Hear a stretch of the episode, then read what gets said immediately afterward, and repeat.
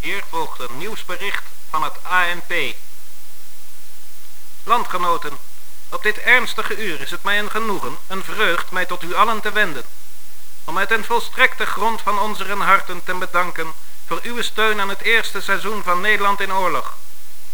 En ondanks dat wij verpletterend verslagen zijn door onze oosterburen, die zich niet hielden aan wat tussen beschaafde volkeren behoorlijk is, hebt u deze beproeving met mij doorstaan en zullen wij de volgende episoden uit onze roemruchten vaderlandse historiën hopelijk wederom tezamen beleven. Ik zal dan ook thans deze podcast blijven maken. Doet gij het luisteren. Overal en in alle omstandigheden. Ieder op de plaats waar hij is gesteld.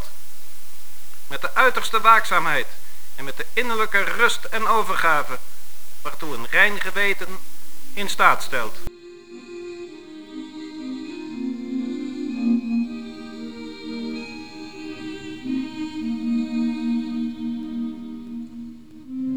Wat nu, wat nu, zei Pietje Cru. Oftewel, Piche Gru. We hebben de meidagen van 1940 achter ons gelaten. Eindelijk. Het was een hell of a ride. Het verhaal moest verteld worden. En ik ben blij dat ik het heb gedaan. Maar ik ben ook blij dat het achter de rug is. Het is namelijk een beetje uit de hand gelopen. Ik ben er ruim een jaar mee bezig geweest. Met veel plezier overigens. Als hobby, begrijp me niet verkeerd. Ik ben niet aan het klagen. Ik doe dit vrijwillig en ik kan er elk moment mee stoppen. Maar toch, het was ook een zoektocht voor mij. Heel letterlijk, een zoektocht naar informatie. Nou, hoe je zoiets aanpakt. Hoe je zo'n verhaal vertelt. Het was allemaal nieuw. Dit was mijn debuut en ik heb het, naar eigen inzicht, zonder hulp moeten doen. Het verzamelen van de informatie, het selecteren en het verwerken van die informatie. En daarna het opnemen, het editen en het uitbrengen. En het was dus, hoe leuk ik het ook vind, hoe nodig ik het ook vind dat deze verhalen verteld moesten worden, dus ook gewoon een behoorlijke klus. En in die zin ook een leerschool. Wat werkt voor mij? Hoe hou ik het behapbaar? Ik heb hiernaast ook nog een baan en een zoon, dus de tijd die ik eraan kan besteden is beperkt. En ik wil, zoals je al merkte aan de laatste paar afleveringen, liever iets vaak een kleinere aflevering uitbrengen dan jullie langer laten wachten op een hele lange. Dus dat gaat het vanaf nu een beetje worden. Afleveringen van een half uur tot een uur. Elke maand één of twee, of wellicht drie of vier. Het is maar net wat uitkomt. Het is ook maar net hoe het loopt. Het kan zijn dat ik een hele serie uitbreng, maar het kan ook een enkele aflevering zijn over een kleiner onderwerp. Bijvoorbeeld een portret van een individu of iets dergelijks. We gaan dus verschillende onderwerpen behandelen. En iets minder uitgebreid dan de meidagen. De volgende serie wordt dus niet weer een project van 14,5 uur. Want hoezeer ik die meidagen ook interessant vind. En hoezeer ik ook nog steeds gefascineerd ben door dat onderwerp. Ik vind het ook wel leuk om het eens ergens anders over te hebben. Het is namelijk lang niet het enige onderwerp wat ik boeiend vind of waar ik iets over kwijt wil. Sowieso ben ik een enorme geschiedenisfan. Ik vind het leuk om in verschillende onderwerpen te verdiepen, want ik vind de meest uiteenlopende onderwerpen interessant. Echt van alles. Ja, noem eens wat. Uh, van de middeleeuwen tot de Eerste Golfoorlog, zeg maar. Van de Romeinen tot Napoleon. De Franse Revolutie. De politionele acties. De Vietnamoorlog. De Krimoorlog. De Falklandoorlog. De Holocaust. De Holodomor.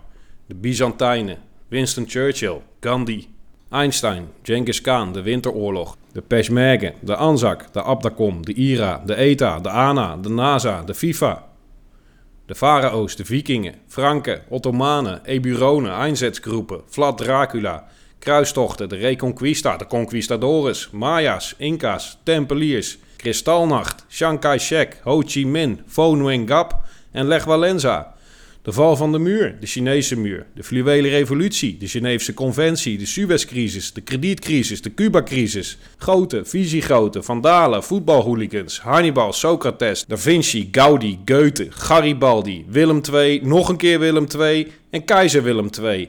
Ponke Prinsen, Joost Prinsen, Prins Pils, Speelraamstelling, Razende Roeland, César, Chassé, Cézanne en Honoré de Balzac. Trafalgar, Yper, El Alamein... Hadrianus, Daily France, Depardieu, Daily Mail, Dalai Lama, Timur Lenk, Art Schenk, Evert van Bentum, de zaak Mente, Arabische Lente, de Baltische Staten, Staten-Generaal, generaal MacArthur, Arthur Wellesley, Martin Luther King en King Arthur. William Wallace, Bertrand Russell, Kurt Russell, Radboud, Jean d'Arc, Rorkstrift, Delftsblauw, Steentijd, Penemoen, Bolivar, PH Waarde en Van der Vos Rijnaarden. Goede Vrijdag en Zwarte Zaterdag, Dolle Dinsdag, Agrippina, Dolle Mina, Toren van Pisa, Mona Lisa, de stad Riga en de Tempel van Mitra, de Rode Baron, Rode Leger, Rode Hond, Rode Khmer, Rode Kruis, Rhode Island en Valrood. Marie Curie, Freddie Mercury. Beeldenstormers, Maharaja, sultanaten, oligarchen, manuscripten, communisten, monarchisten, feministen, orangisten, Oosterschisma, christenen, Schindlers List en Hugo de Groot die ontsnapt in een boekenkist. Maar daar gaan we het allemaal niet over hebben. Want dat kost me een partij tijd, jongen. Ik heb er ook niet zo heel veel aan toe te voegen vaak. Dat laat ik aan anderen over. Want er zijn ook onderwerpen waar ik wel wat aan toe te voegen heb. Althans, dat idee heb ik. Waar ik in ieder geval de behoefte voel om er wat over te vertellen. Verhalen die ik met stijgende verbazing lees en denk: hoe kan het dat ik hier nooit iets over hoor? Hoe kan het dat ik hier nooit iets op school over heb gehad? Hoe kan het dat er hier nooit een film over is gemaakt? En dat zijn vaak verhalen uit onze eigen geschiedenis, de Nederlandse geschiedenis. Zoals het verhaal over de meidagen. Maar er zijn er nog veel meer. En als je er dan iets over hoort, is het vaak in algemene termen. Te algemeen voor mij. Veel geschiedschrijving heeft daar last van. Niet alleen Nederlandse geschiedenis. Bijvoorbeeld, toen kwam er een groot offensief en dat slaagde. De slag om Arnhem eindigde in een Duitse overwinning. Napoleon verloor de slag bij Waterloo. En dan denk ik altijd, ja, maar hoe dan? Hoe verliep dat? Dat krijgsgedeelte, dat vind ik nou juist interessant. De tactiek, de strategie. Wie speelde er een hoofdrol? Wat gebeurde er nou precies? Wat gaf de doorslag? Het wordt vaak vluchtig behandeld of volledig overgeslagen. Of veel te algemeen gehouden. Je hoort vaak dingen zoals: dat was een militair genie, dat was een goede generaal. Ja, leuk, maar daar neem ik geen genoegen mee. Waar uitte zich dat in? Wat deed hij waardoor hij een militair genie was? Dat behoeft wat uitleg, want dat soort verdieping vind ik interessant en ik denk met mij nog meer mensen. En weet je, dat extreem gedetailleerde, zoals we bij de Grebbeberg hebben gedaan, hoeft ook niet altijd. Dat je zeer gedetailleerd ingaat op de persoonlijke beleving van individuen. Dat soort verslagen zijn ook gewoon niet altijd ter beschikking. Maar iets meer verdieping, iets meer detail dan vluchtig over de hoofdlijnen gaan, kan wel. Dat vind ik zelf prettig en interessant. En de Nederlandse krijgsgeschiedenis is wat dat betreft een obscuur en onderbelicht onderwerp. En daar ga ik me dan ook vooral op richten. Want een trucje herhalen wat al honderd keer is gedaan, nee dank je. Dat vind ik zonde van mijn tijd. Om een voorbeeld te geven, ik was laatst in Normandië. Niet normaal wat daar allemaal gebeurd is. Indrukwekkend, adembenemend. Wat een operatie, wat een organisatie zat daarachter. Ontzettend interessant om je in te verdiepen. Maar ga ik er een podcast over maken? Nee. Om dezelfde redenen die ik zojuist al aanhaalde. Het is al gedaan. We kennen de verhalen. Honderden boeken, documentaires en waarschijnlijk podcasts waar je uit kan putten. Dus nee, ik voel geen behoefte om dat na te doen of over te doen. En geloof me, we hebben genoeg te bespreken, echt. Onze geschiedenis zit vol met interessante verhalen. Als je de Nederlandse geschiedenis vanaf 1940 kent, kan ik me voorstellen dat je het zeker niet indrukwekkend vindt. Dan denk je, ach, oorlog is niet echt ons ding. Onze krijgsmacht stelt gewoon weinig voor. Het is iets te kort door de bocht, maar op wereldschaal klopt het. We kunnen ons op geen enkele manier meten met wereldspelers. Maar als we verder teruggaan, dan zal je nog verbazen wat dat kleine kneuterige kikkerlandje nog heeft bereikt. Ook op militair gebied. We hebben gewoon een interessante en bij vlagen indrukwekkende krijgsgeschiedenis. Man, er zijn momenten geweest dat Nederland met 120 zware oorlogsschepen de zee opging. Met 20.000 man aan boord. We hebben periodes gekend dat we een staand leger van 200.000 man hadden op een bevolking van 2 miljoen. We hebben veldslagen geleverd waar we op één dag 10.000 man verloren. We hebben het opgenomen tegen de grootste en machtigste van deze wereld. En we hebben ze niet zelden nog verslagen ook. Er zijn tijden geweest dat defensie niet iets was wat je er een beetje bij deed.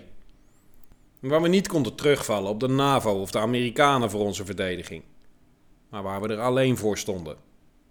Waar defensie niet slechts belangrijk was, maar essentieel. Waar de nationale strijdkrachten het enige waren wat tussen onze vrijheid en tirannie in stond. Het verwaarlozen van die krijgsmacht directe consequenties had.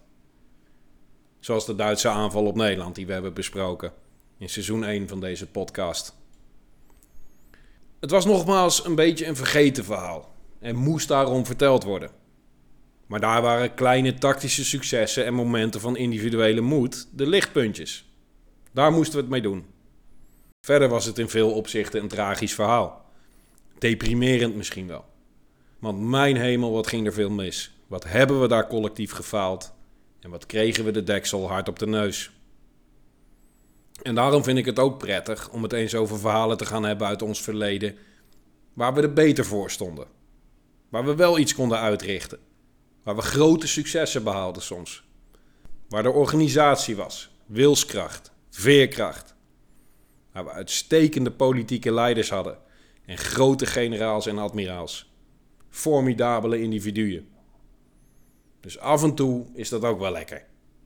Het vernuft, de moed, de intelligentie, de daadkracht, de overtuiging. En dat vind ik mooi. Daar kan ik van genieten. Een klein gebald vuistje soms. Een klein saluutje. Dat hebben die voorouders van ons toch even geflikt. Is dat gek? Dat soort sentimenten? Die tendens, dat je daar gevoelig voor bent?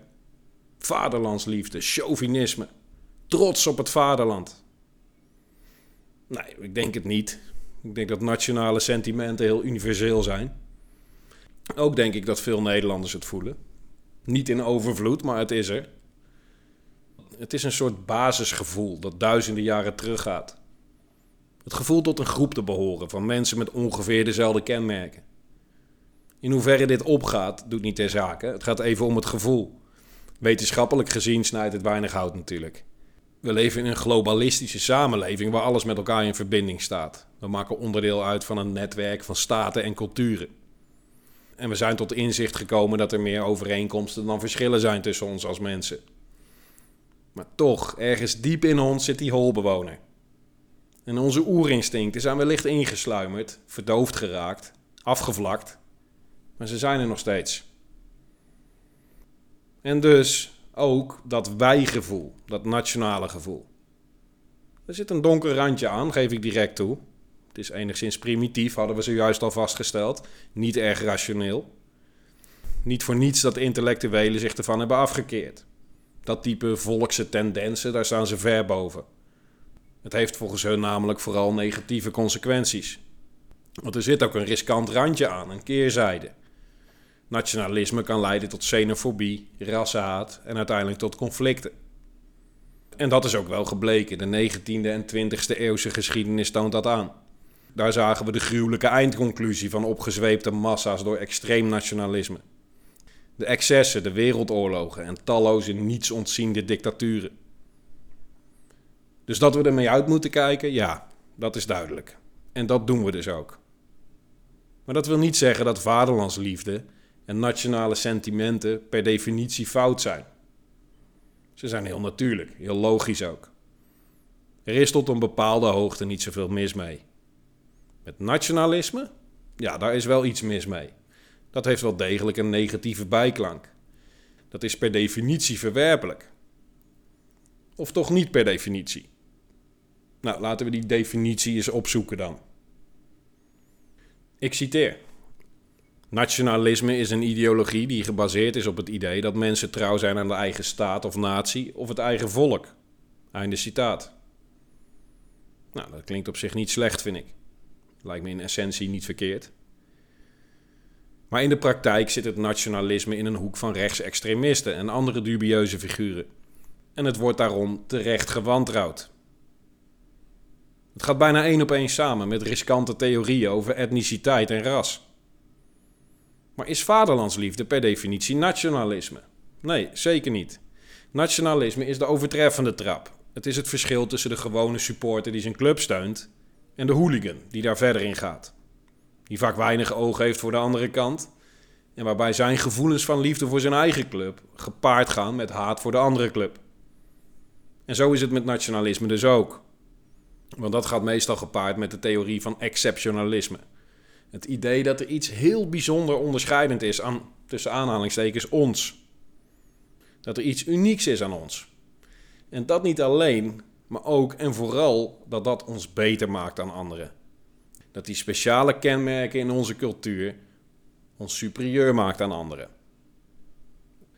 Ja, en daar gaat het dus mis. Want die theorieën zijn achterhaald en ingehaald door de realiteit. Maar dat wil dus niet zeggen dat er niets unieks is. Alleen maar dat alle volkeren dat zijn en dat zo voelen. En als we dat beseffen, die valkuilen, en onze nationale trots kunnen nuanceren en met een korreltje zout kunnen nemen, erom kunnen lachen wellicht, dan is het wel degelijk interessant om te onderzoeken waarin wij als volk anders zijn dan anderen. Wat onze traditionele, culturele, collectieve waarden zijn en hoeveel daar nog van over is. En in hoeverre dat soort waarden, dat soort karaktereigenschappen terug te herleiden zijn naar jezelf. Wat maakt ons Nederlander? Wat verbindt ons als volk? En wat maakt mij dan weer specifiek onderdeel van dit volk? Zegt mijn nationaliteit iets over mijn persoonlijkheid? En zo ja, wat dan? Het is een boeiend filosofisch vraagstuk om te ontrafelen. Maar de antwoorden zijn weinig concreet. Het is geen exacte wetenschap. Het hangt nogal in het subjectieve. Absolute waarheden zijn het in ieder geval niet. En daarom juist voer voor filosofische discussie. Want dat is wat filosofen doen. Die maken iets wat absoluut niet concreet is, zo concreet mogelijk. Daarom zijn goede filosofen ook zo boeiend. Nu zal ik met mijn achtergrond als geïnteresseerde amateur niet in staat zijn om de grote filosofische vraagstukken te beantwoorden. Maar ik zal desalniettemin zo af en toe mijn gedachten over dit soort thema's de vrije loop laten. Gewoon omdat ik het leuk vind. Want ik vind het interessante vragen. Bestaan er nationaal genetisch bepaalde eigenschappen? Fysiek sowieso, qua uiterlijke kenmerken, maar mentaal. Worden karaktereigenschappen wellicht voor een deel nationaal bepaald? Wie weet, ik sluit het niet uit. Wat denk jij? Dit parkeren we even. Hier gaan we geen uitsluitsel over krijgen. Want het ging over het nationale identiteitsgevoel. En dat is het dan dus. Een gevoel. Niets meer, niets minder. Een abstract en subjectief begrip. Maar het bestaat wel degelijk. Het valt niet te ontkennen. Ondanks dat, zoals ik al zei, sommige mensen die zichzelf beter en slimmer vinden dan de rest, zich er ver boven verheven voelen. En het is prima dat je je niet blind laat meeslepen door groepsgedrag en eenvoudige volkse sentimenten. Ik vermoed bij een deel van hun ook een soort snobisme. Het is toch een soort verhevenheid, een beetje elitair. Vooral als ze beweren dat ze er helemaal niets mee hebben. Dat ze er volkomen boven staan. Echt, je voelt geen greintje vaderlandsliefde? Niets? Ja, ik namelijk wel. Ik vind het leuk als ik positieve reacties krijg over Nederland als ik op vakantie ben. Ik vind het mooi als we ergens in uitblinken, internationaal erkenning krijgen. En het doet wel degelijk iets met me als er een Nederlandse sporter internationaal succes heeft. Of als het Nederlands voetbalelftal op een groot toernooi speelt. Dat oranje. Dat heeft iets magisch. Dat doet iets met me. Maakt mij dat een simpele ziel die zich eenvoudig laat meetrekken in goedkoop fout volkssentiment? Misschien wel, ja. Maar ik kan het niet ontkennen. Het is er. Ik heb een oranje hart. Ik juich voor het home team. Bij een doelpunt van oranje en bij een militair succes. Nu en in het verleden. Zo is het nou eenmaal. Ik heb het omarmd. Ik ben een trotse Nederlander. En niet omdat ik het succes van Nederlanders in het verleden of in het heden als mijn eigen verdienste zie. Want dat is het niet. Wat heb ik er verder mee te maken? Ik ben toevallig hier geboren. Meer is het eigenlijk niet. En toch voelen we die connectie. Waardoor het toch een beetje aanvoelt als wij.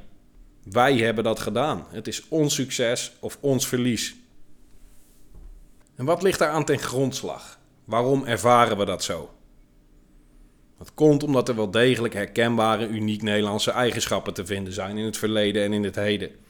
En omdat er een diep geworteld gevoel achter zit, een gevoel van waarde, dat wij iets waard zijn. Dat Nederland als concept, als land, waarde heeft. Dat het Nederlandse volk een fundamenteel recht heeft op zelfbeschikking, vrijheid en onafhankelijkheid. En dat onze cultuur, onze taal, onze tradities een verbinding hebben gecreëerd. Die heeft kunnen leiden tot een eenheid. En die eenheid heeft dat fundamentele recht verworven, afgedwongen. En hoe losjes die eenheid ook lijkt, zeker vandaag de dag, maar eigenlijk is het altijd zo geweest. Hoe individualistisch we ook zijn en waren, hoe stug, hoe opportunistisch misschien. Toch is het iets waard gebleken. Is er iets uit voortgekomen. Iets wat zich al eeuwen handhaaft. En zijn er uit moerassen, polders, dijken en landbouwgrond ontstaan. En die waarde, de waarde van die eenheid, hoe abstract het ook mogen klinken en hoe erg je ook roept dat je hem niet voelt of dat hij niet bestaat. En hoezeer je ook volhoudt dat er niets meer van over is. Die waarde uit zich in het feit dat er door de eeuwen heen mensen bereid waren te vechten voor dit land. En daar mag je best een beetje trots op zijn. Je kan er op zijn minst respect voor hebben. Ontzag. Dat heb ik in ieder geval wel. En mede daarom voel ik de behoefte om die verhalen te vertellen, om ze in leven te houden. Dus dat gaan we vanaf nu doen. In het volgende seizoen van Nederland in oorlog. Verhalen vertellen uit de Nederlandse krijgsgeschiedenis. Over zeehelden, ontdekkingsreizigers, verzetstrijders, avonturiers, veldheren, matrozen, voetvolk, piekeniers, grenadiers, kurassiers en mariniers. Verhalen die we niet meer vaak horen. Over veldslagen en zeeslagen. Een stijl die uit de mode is geraakt, die tot zeg maar halverwege de vorige eeuw de geschiedschrijving en historische educatie domineerde. Een stijl waarin belangrijke historische gebeurtenissen centraal staan en in detail worden bestudeerd, waarbij de nadruk ligt op de militaire gebeurtenissen. Vanaf de jaren 60 van de vorige eeuw veranderde dat. Dat had meerdere redenen. Er was een sterk links-progressieve invloed op het onderwijs. Er moest worden afgerekend met alles wat die verschrikkelijke Tweede Wereldoorlog had veroorzaakt. En het kolonialisme bijvoorbeeld. Militaire plicht, dienst, hiërarchie, alles moest overboord. Vanaf dat moment moest alles gezellig, liefde en bloemetjes zijn.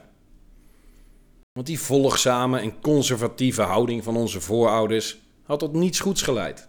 Dat moest anders, vonden ze.